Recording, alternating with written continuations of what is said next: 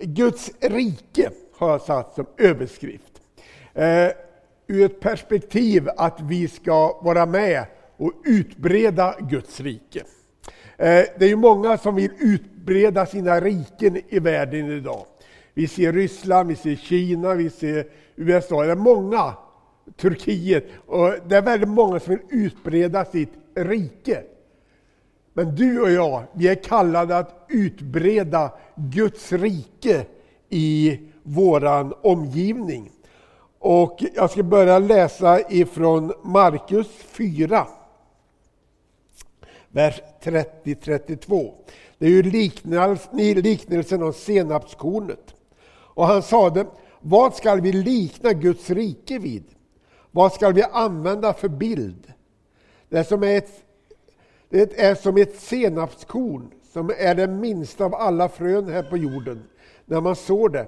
Men när det har såtts skjuter det upp och blir större än alla örter och får stora grenar att himmelens fåglar kan bygga bo i dess skugga. Senapskornet är egentligen inte världens minsta frö, men dåtidens, på då, dåtiden så ansåg man att det var senapsfröet som var det minsta. Senapskornet har dessutom blivit ett ordspråk för att beskriva något som är väldigt litet.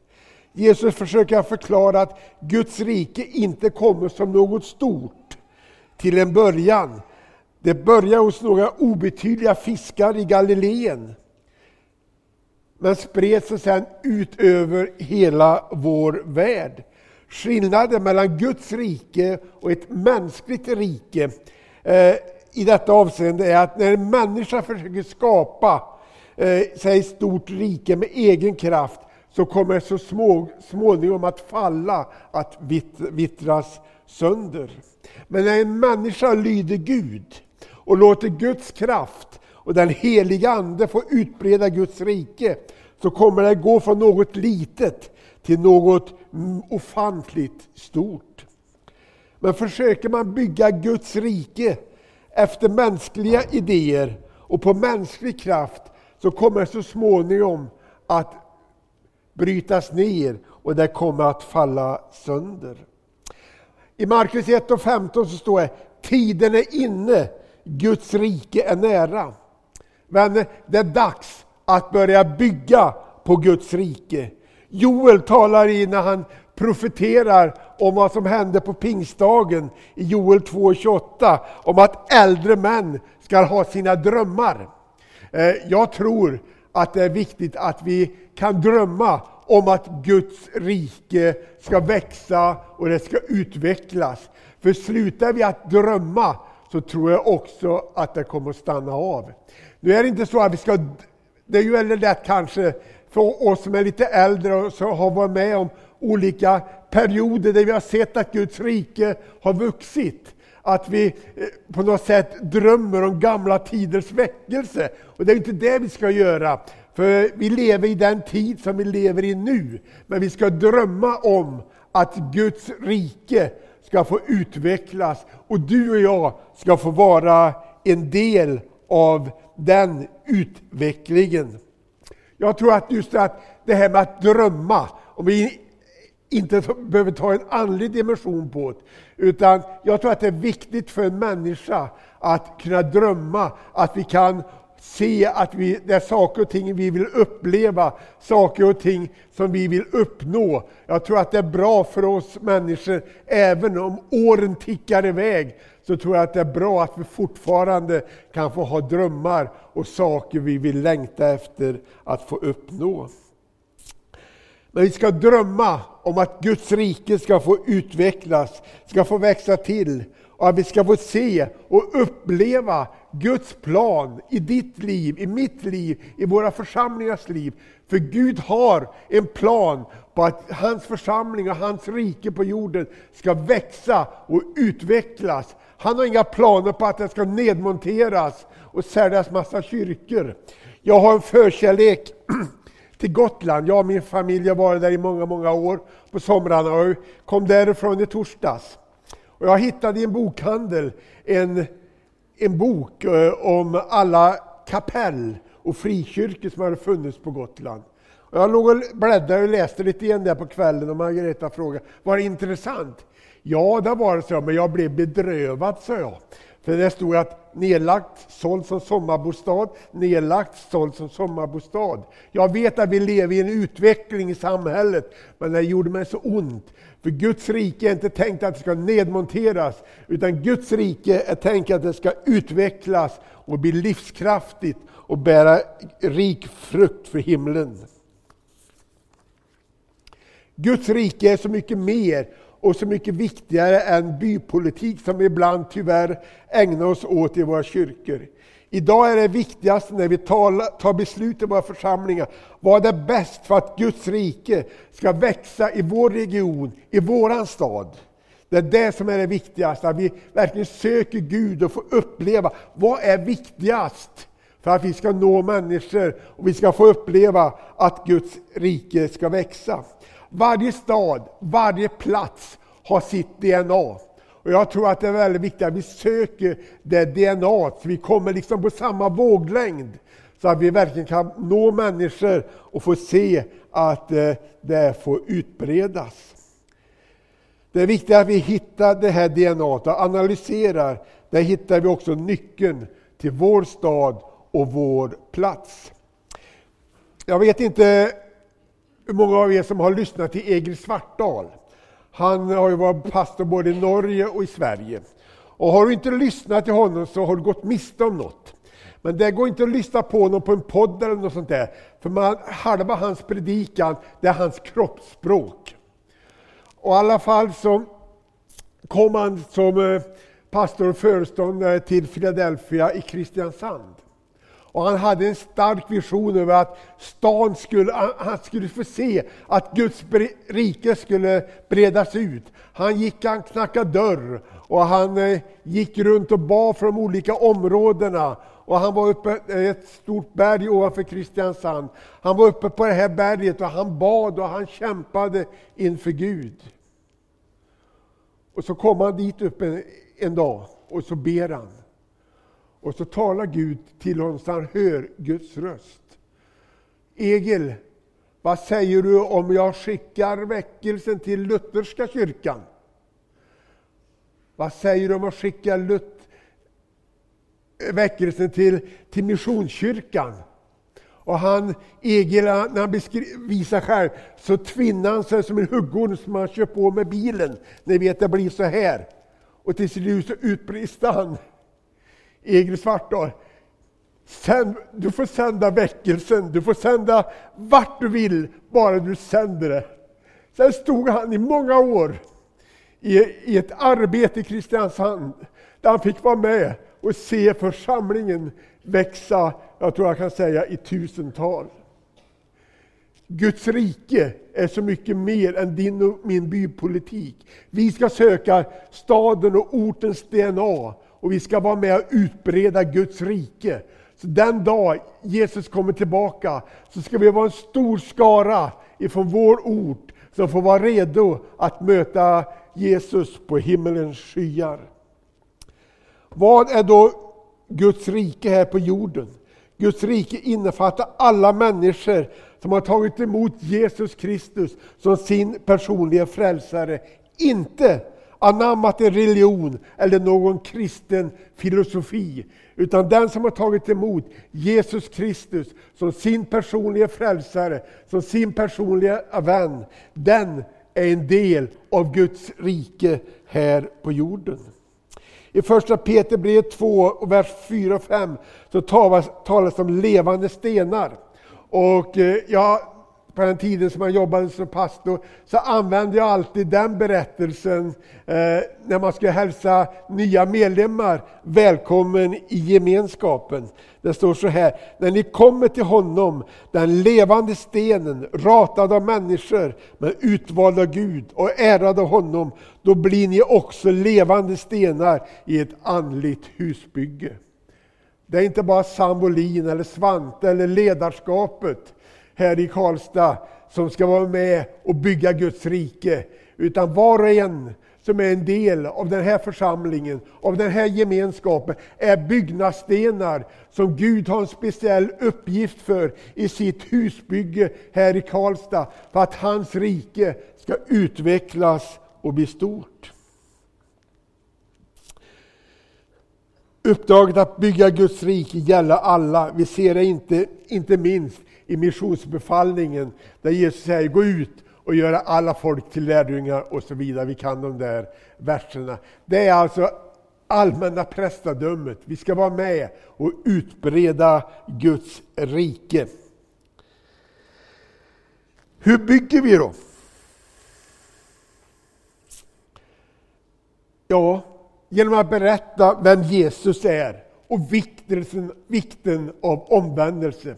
Jag vet inte om jag är gammaldags på det området, men jag är Jesuscentrerad. Och jag tror att den här personliga omvändelsen, när man vänder sig bort ifrån något och man vänder sig till något. Man vänder sig bort ifrån mörkret och man vänder sig till ljuset. Jag tror att den är viktig. Jag tror inte vi ska tona ner den, utan det finns en personlig omvändelse. När jag beslutar mig att eh, Jesus är Guds son, jag vill släppa in honom i mitt liv, i mitt hjärta, och jag vill bli en del av hans rike. Jag tror inte vi får tona ner den förkunnelsen i våra sammanhang. Att vara tydlig med att det är i namnet Jesus som kraften till förvandling och förändring finns. Om det hade legat ett skelett nere i graven i Jerusalem så hade vi varit en död religion. Men den grav där de la Jesus är tom. Och döden orkar inte behålla Jesus i sitt grepp, utan han uppväcktes. Och då finns en uppståndelsekraft som kan förvandla människors liv. Och det är, finns bara i namnet Jesus. Om jag är tydlig med att, ska, man ska, att omvändelsen är viktig, så är det också att vi ska vara tydliga i att det är i namnet Jesus, kraften till frälsning, kraften till helande, kraften till förändring finns. Det finns i namnet Jesus. Och Det är det som är bekymret i våra samhällen idag. Det går faktiskt ganska hyfsat att prata om Gud. Men när man pratar om Jesus, och Bibeln säger ju att det är en stötesten. När vi pratar om Jesus så är det lite mer känsligt. Men vi får inte vika för det, för det är, det är i namnet Jesus kraften finns. Och det är därför vi känner, när man nämner namnet Jesus och pratar i det namnet, det är då man känner att det kan finnas ett motstånd. Att sprida Guds kärlek och glädje omkring oss är också en viktig del i Guds rike, att utbreda Guds rike. Att sprida en Kristusdoft omkring oss där vi går. Det kan ibland vara svårt om vi vaknar på fel sida någon dag. Men jag tror att det är viktigt att vi ber att Gud utrustar oss, att vi liksom kan förmedla vår tro genom våra liv, genom att vi utspeglar Jesu kärlek. Att berätta om att Jesus bryr sig om hur vi har det till ande, kropp och själ. Han bryr sig inte bara om det andliga, utan den Jesus jag tror på, den Jesus jag bekänner mig till, han bryr sig om hur jag har det till ande, kropp och själ. Att låta Guds frid råda i och omkring oss. Genom att sträcka ut en hjälpande hand. Genom att vi som församling och enskilda kristna tar ett socialt ansvar och engagera oss i sociala frågor är oerhört viktigt. Vi kan bara se på Jesus, hur han reagerade när han mötte människor som hade det svårt. Stannade han, han plåstrade om, han sträckte ut en hand. Han brydde sig om hur människor hade det. Socialt arbete skapar förtroende för den kristna tron och våra församlingar. Vi ser på missionsfälten vi ser att man åkte ut, man startade, startade dispensärer sa man på den tiden. Det var väl någon typ av vårdcentral. Och barnmorskor åkte ut, eh, man startade skolor. Allt detta skapade förtroende för att komma in med evangeliet hos människor.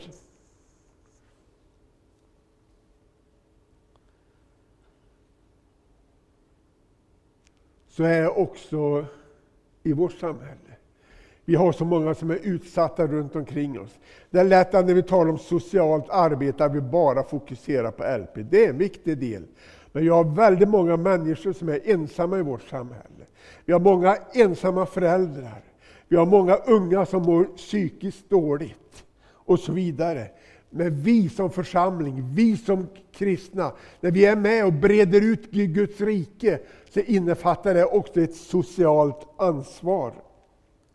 Ska jag berätta en liten episod, vad det, vad det betyder att, eh, att, att ha ett förtroende på det området. Jag jobbade ett antal år i Centrumkyrkan i Hagfors och vi byggde faktiskt, om man får säga så här, upp ett ganska respekterat, respekterat socialt arbete. Så jag, än idag när jag tänker på det så är jag förvånad. Jag fick med mig hela socialnämnden ner till Karlskrona. För de hade ett väldigt framgångsrikt arbete bland människor som hade det svårt. Med verkstäder och ah, lite matutdelning. Alltså de, de, det var nästan som ett litet samhälle i, i samhället. Och vi, vi hade en hel minibuss och så åkte vi ner. Alltså, är detta möjligt, tänker man, att få med sig hela socialnämnden? Det är ju 60 mil dit ner. Kommer vi dit. Och så var Ulf Sundqvist pastor där. Men, och så hälsade han oss välkomna. Och så sa han, jag kan ju inte så mycket om det här, utan det, det är han som förestår det här arbetet. Men, sa Ulf Sundqvist, och jag ville sjunka genom jorden. Fråga mig vad ni vill om Knutby, så kan, kan jag svara. Och det var ju då det var som hetast. Nej, tänkte jag. Va? Men alltså, vi hade byggt upp ett sådant förtroende i de sociala myndigheterna, så de brydde sig inte. Jag, kunde, men alltså, jag vet, jag blev alldeles iskall när han sa det. Fråga mig vad ni vill om Knutby så kan, så kan jag svara er. Kanske du säger, men inte kan jag bidra något. Jag som har alla möjliga fel. Jag som har alla möjliga brister. Och då gillar jag Jeremias kallelse. I Jeremia 1 och 4 så står det så här. Herrens ord kom till mig. Han sade, förrän jag danade dig i moderlivet utvalde jag dig. Förrän du lämnade moderskötet helgade jag dig. Jag satte dig till en profet för folken. Men jag svarade, ack Herre, Herre, se jag förstår inte att tala, ty jag är för ung. Då sade Herren till mig, säg inte jag är för ung, utan gå vart jag sänder dig och tala vad jag än befaller dig. Det hjälper ju inte att vi har massa undansflykter. Att eh, vi kan inte det ena och vi kan inte det andra och jag orkar inte det. Utan Gud har en uppgift för oss att vara med och eh, låta Guds rike få växa. Det är inte de stora männen som har betytt mest för Guds rikes utbredande i det här landet och utöver vår jord. Jag tror att det är bönemänniskor, äldre män och kvinnor, kanske som har kommit upp i en ålder där de inte orkar vara aktiva i verksamheten. Men de har människor som Gud har lagt på deras hjärta, som de har på sina bönelistor. Jag vet min egen far, han hade en bönelista och han strök dem en efter en när de hade kommit till tro. Det är inte bara de stora, men de betyder, de har fått gåvor från Gud att predika och undervisa. Men vi ska, alla har vi en uppgift, alla är vi kallade att vara en del i att utbreda, utbreda Guds rike på den här jorden. Glöm vänner inte det här lilla senapskornet som växte och blev ett stort träd.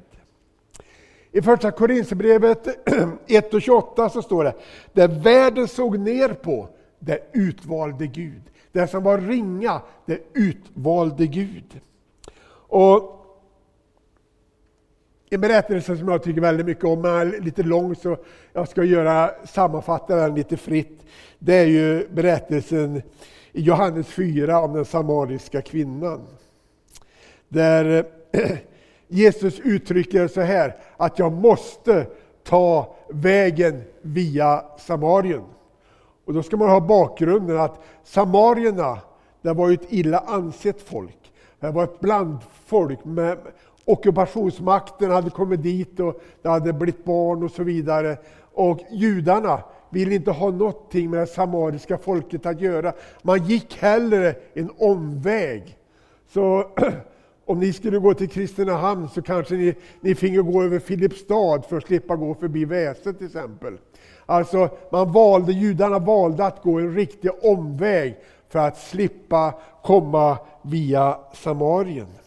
Men Jesu uttrycker, jag måste ta vägen genom Samarien. Han bröt med alla traditioner, alla regler. Han visste att han skulle möta den här kvinnan som berättelsen handlar om. Han kommer dit till Jakobs brunn och så möter han en kvinna som är och hämtar vatten mitt på dagen. Och då vet man, där nere är ganska varmt mitt på dagen. Men hon var utstött av de andra kvinnorna. De andra kvinnorna hämtade, fyllde sina vattenkrus på morgonen eller på kvällen. Men den här kvinnan var där mitt på dagen när det var som varmast. Och när Jesus möter den här kvinnan så frågar, säger han till henne, om du visste vad Gud har att ge. Tänk om människor runt omkring oss i vårt samhälle visste vad Gud har att ge. Jesus avslöjar den här kvinnan profetiskt. Hon säger att, eller han säger till henne, fem män har du haft och den man du har nu är inte din. Jesus, jag sa att Jesus måste ta vägen via Samarien. Jesus visste att han skulle möta den här kvinnan. Och att hon skulle få komma till tro på honom var viktigare än alla de andra reglerna som judarna hade. Hon var så värdefull i Jesu ögon så han trotsade alla regler och så vidare. Varje människa är guld värd i Guds ögon. Gud bara längtar efter att vi alla ska få leva i en gemenskap med honom. Det som var viktigt för Jesus var att kvinnan skulle få bli frälst. Vad hände sen? Och vers 28-30. Kvinnan ställde ner krukan, springer in i byn och berättade vad hon hade varit med om. Och det står det att varför lyssnar man helt plötsligt? Helt plötsligt så kommer människor som inte hade ens velat komma i närheten av henne. Helt plötsligt kommer de och lyssnar till henne. Vad är det som har hänt egentligen? Jo, hela hennes varelse, hela, henne, alla, hela hennes ögon utstrålade att hon hade mött Jesus. Kvinnan ställde krukan, rusar in i staden och blir en evangelist. Det som ingenting var, det som var ringast, det utvalde Gud för att bygga upp Guds rike. Sen är det en vers som kommer sen i vers 35. I och med att jag har varit både jordisk såningsman och andlig såningsman förstår jag den versen. Jag var på, vi hade en pastors, pastorsdagar på Hjälmagården här i maj. Och då, av någon anledning så kom jag in på den där versen. Och jag använder ju 81ans översättning, jag är lite konservativ där. Men i den så står det att skörden har vitnat. Jag tror inte du har reagerat för det där ordet speciellt heller. Och det hade inte mina pastorskollegor heller. Men jag vet att när sädeslagen växer upp så är de gröna. När de börjar mogna så blir de guldaktiga. Men om, om någon anledning det inte blir skördat då, så står det att då vitnar den. Den övergår från att vara guldgul till att vitna. Och vad kan hända då, om det kommer en regnskur? Jo, då drösar kärnorna och hamnar på backen. Skörden går förlorad. Det uttrycks att skörden har vitnat. Det är hög tid att du och jag är med och utbreder och utvidgar Guds rike. För skörden, varje dag så går en del av skörden förlorad. Du och jag ska vara med och utbreda Guds rike. I Kolosserbrevet 4.17 så skickar Paulus en hälsning till Arkippos. Han säger så här, se till att du fullgör den tjänst som Herren har gett dig. Vi sa förut att vi är byggnadsstenar allihopa i ett andligt husbygge. Och här skickar Paulus en hälsning till Akippos. Se till, och han skickar den till dig och mig idag också. Se till att du fullgör den tjänst som Herren har gett dig. I Markus 1, 14, 15. Jesus säger omvänd er och tro på budskapet. Vänner, tiden är inne för omvändelse. Det handlar om att människor som ännu inte lärt känna och börjar tro på Jesus. Men vi som redan känner Jesus kanske också bör tänka på att omvända oss och börja inse allvaret och vara med och utbreda Guds rike. Ja, som kristen, det är lätt att bli sittande. Innan Gud gav mig kallelsen så kan man säga att jag var en kristen i landet lagom. Ungefär så. Men Gud har lagt ner något i ditt och mitt liv. Och Det kan ju hända att vi har på något sätt blev sittande. Vi vet att Gud kanske talade till mig i min ungdom eller för fem eller tio år sedan att det här är din uppgift. Och så har tiden gått och ingenting har hänt. Man börjar tvivla.